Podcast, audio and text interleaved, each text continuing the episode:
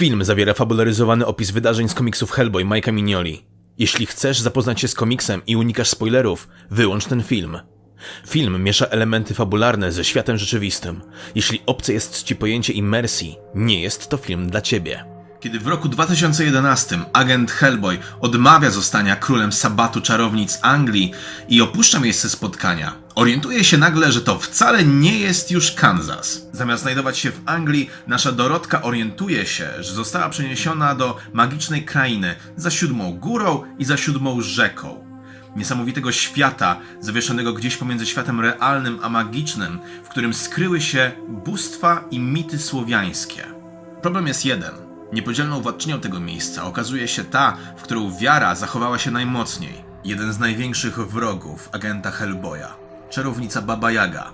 Nie spotykamy się tu jednak, by znowu omawiać życiorys agenta Hellboya, jednak po to, by omówić, co można spotkać w tej krainie. Ta wiedza z pewnością przyda się w trakcie nadchodzącej ekspedycji do tego miejsca. Panie Henryku, poproszę następny slajd.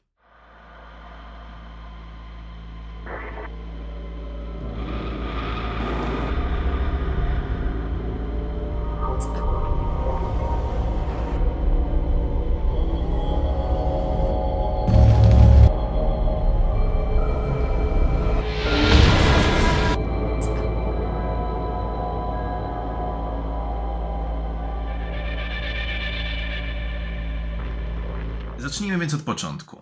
Hellboy znajduje się na zlodowaciałej równinie, a przed nim stoją zastępy nieumarłych słowiańskich wojowników. Z ich objęć ratuje go watacha wilków, słudzy swojego pana, władcy pobliskiego gaju, do którego następnie wilki prowadzą go. Znany był pod wieloma imionami. Leśnik, borowy, leśny dziad, gajowy, borowiec, laskowiec, wilczy pasterz, jak i czasem boruta. Leszy był prastarym bóstwem odpowiedzialnym za lasy i bory, jak i zwierzęta w nich żyjące. Wiara w to stworzenie miała przybyć z Rosji. Często był łączony z bogiem łowów, porewitem. Ludziom objawiał się jako blady mężczyzna o silnym spojrzeniu, epatującym gniewem, a jego wzrost i potęga zależały od potęgi i wieku lasu, w którym przebywał. Gdy nie przybierał postaci człowieka, zdarzało mu się zmieniać w leśnego drapieżnika, jak wilk, niedźwiedź lub sowa. Domeną Leszego była natura. To on opiekował się drzewami i zwierzętami. Stał po zupełnie innej stronie niż ludzkość, symbol cywilizacji. Przez to właśnie Leszy bywał bardzo kapryśny wobec ludzi. Potrafił mieszać drogi, wyprowadzać na zbójców lub prowadzić skrótami do celu. Niektórych wydawał zwierzętom na pożarcie, a niektórych karmił owocami leśnymi. Żeby udobruchać stwora, składano mu więc ofiary ze zwierząt i plonów. Robili to przede wszystkim ludzie, których praca łączyła z lasem. Wraz z chrystianizacją Leszy utracił swoją moc i swoje miano Boga lub ducha odpowiedzialnego za domenę lasu. Został okrzyknięty demonem. Słowianie jednak mają to do siebie, że wiara w najróżniejsze byty potrafiła przetrwać bardzo długo. I tak znane są bardzo różne relacje, jakoby ukazywał się on później w postaci dziwnego leśnika zachowującego się nieludzko. I takie właśnie raporty znajdują się też w naszych archiwach. Leszy pozwala Hellboyowi spędzić jedną, tylko jedną noc w swojej domenie. Tylko dlatego, że nie lubi się z babą Jagą. Następnie Hellboy wypełnia obietnicę, opuszcza las i kieruje się w innym kierunku. Trafia do zrujnowanej chałupki. Na jej straży został ostatni z jej mieszkańców. W tradycji słowiańskiej te stworzenia mieszkały pod progiem, na strychu lub w izbie za piecem. Szerokie rozprzestrzenienie się tego wierzenia sprawiło, że można było je spotkać pod różnymi imionami: domowik, domowy dziad, zapiecznik, gospodarz czy bratok, a w Polsce najszerzej znany był jako krasnoludek, uboże lub bożątko. Czasem przypisywano im nadnaturalne pochodzenie ze świata magii, czasem jednak przedstawiano je jako odrodzonego członka rodziny. Szczególne miejsce w tym wierzeniu miały bożątka, ponieważ miały być to dusze nieochrzczonych dzieci. Skupmy się jednak na domowoju. Przybierały one postać psów, kotów lub szczurów, czyli zwierząt powszechnych w gospodarstwie. Czasem jednak obierały kształt maleńkich ludzików, którzy zawsze wyglądali na brodatych i zaniedbanych starców. Oprócz bożątek, które przybierały postać podobną dziecku. Domowoj był integralną częścią życia domu, w którym przebywał. Potrafił tak psocić, jak i pomagać. To właśnie domowikowi przypisywano często gubienie małych przedmiotów, ale również opiekę przed drobnymi szkodnikami. Domowoj reagował i odpłacał się, zależnie od tego, jaki był nastrój w domu. Gdy rodzina dbała o relacje między sobą jak i domowikiem, to znaczy zostawiali mu drobne przysmaki tam, gdzie uznawano, że jest jego miejsce, wtedy domowoj był błogosławieństwem w obejściu. Kiedy jednak rodzina cały czas się kłóciła lub po prostu nie dbała o lokatora, ten znieważony odpłacał się po stokroć. Niszczył sprzęty domowe i bił dzieci, a czasem nawet sprowadzał większe zło do zagrody. Na Ukrainie wierzono, że każdy dom ma przypisanego swojego domowoja. W innych regionach Słowiańszczyzny natomiast praktykowane były sposoby na to, by takiego demona zabrać ze sobą do nowego domu w przypadku przeprowadzki. Schronienie zapewnione przez domowoja nie okazuje się jednak wieczne, ponieważ drzwi wylatują z trzaskiem. W ich strzępach stoi stary, ale niebezpieczny wojownik. Kościej bezsmiertnej. W dalekich górach, gdzieś w Rosji, stoi stara twierdza. Mury są nieobstawione, zaś sale świecą pustką. Nie jest to jednak ziemia niczyja. W jednej z najgłębszych sal, na bogatym tronie, siedzi postać.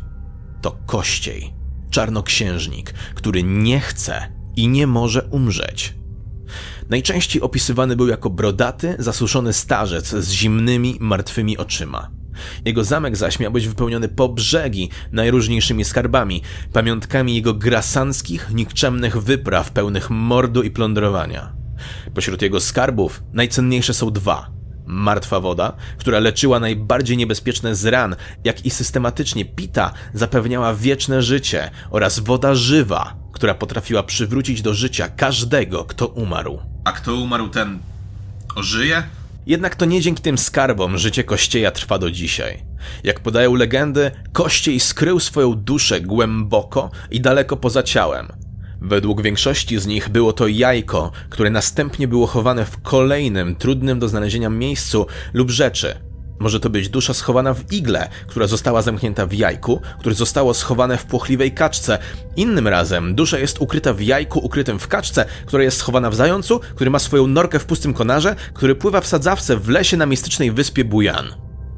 Zamknięcie duszy w pojemniku jednak ma swoje słabe strony. Miejsca można odnaleźć, skrzynie można otworzyć, a najbardziej płochliwe stworzenia da się wszak złapać, a gdy ktoś położy łapy na skrytce kościeja, osiąga nad nim pełnię władzy. Opowieść o kościeju wywodzi się z rosyjskich baśni i legend, z folkloru. Spotkamy ją w klechdach, ale również operach czy balecie. Jednak jak już zapewne wiemy, późniejsze aranżacje wielokrotnie odbiegają od rzeczywistości i tego, jak przedstawiana była postać w oryginalnych źródłach. Wróćmy więc do początku. Do podań pospólstwa. Możemy wyciągnąć z nich wniosek, jakoby Kościej lubował się w kobietach, ponieważ większość z nich opiera się o porwanie ukochanej głównego bohatera opowieści. Czasem nawet wyciąga swoje szponiaste łapy po córki cara. Kolejnym ważnym elementem jest to, że dziwnie często w jego towarzystwie pojawia się kolejna postać czarownica Baba Jaga. Kościej jest czasem przedstawiany jako jej syn, brat lub kochanek, co mogłoby tłumaczyć jego doświadczenie w magicznych rytuałach. Kościeja nie da się zabić, da się go jednak powstrzymać na pewien czas. I kiedy ten leży przybity mieczem do drewna, w drzwiach pojawia się kolejna postać z legend. Tym razem jednak ta chce pomóc. Zastanawialiście się kiedyś, co by się stało, gdyby Kopciuszek chciała wrócić do swojej patologicznej rodziny i zemścić na swoich oprawcach? Oto na scenę wchodzi Wasilisa. Dawno, dawno temu żył sobie kupiec. Kupcowi urodziła się przepiękna córka. Żyło im się jak w bajce, jednak z czasem matka zachorowała. Kupiec po pewnym czasie poślubił inną kobietę, która wraz z dwiema swoimi córkami uprzykrzały życie naszej bohaterce.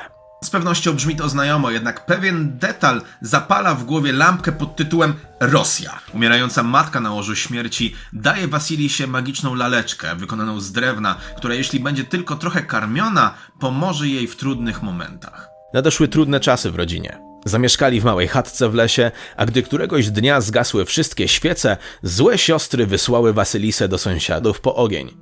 Sąsiadką okazuje się czarownica Baba Jaga.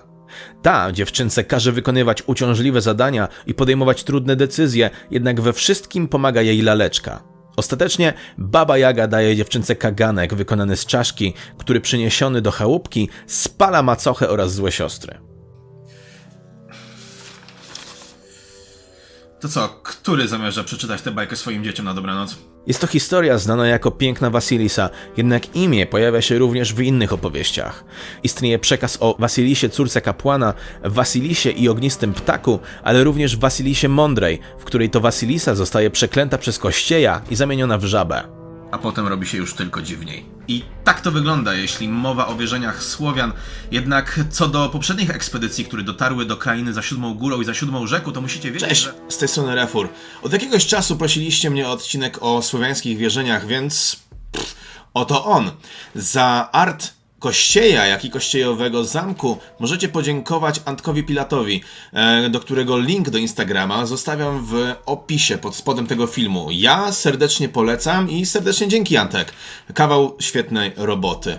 Sam odcinek oparty jest o serię komiksów Hellboy ze w ciemności, e, do którego też odsyłam Was, jeśli spodobała Wam się ta historia. A w samym komiksie pojawia się również postać Peruna i Baby Jagi, jednak uważam, że potrzebują oni swojego własnego odcinka.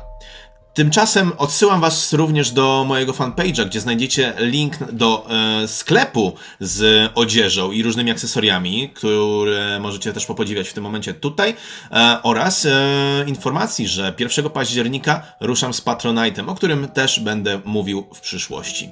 Więc dzięki za uwagę, do usłyszenia, cześć!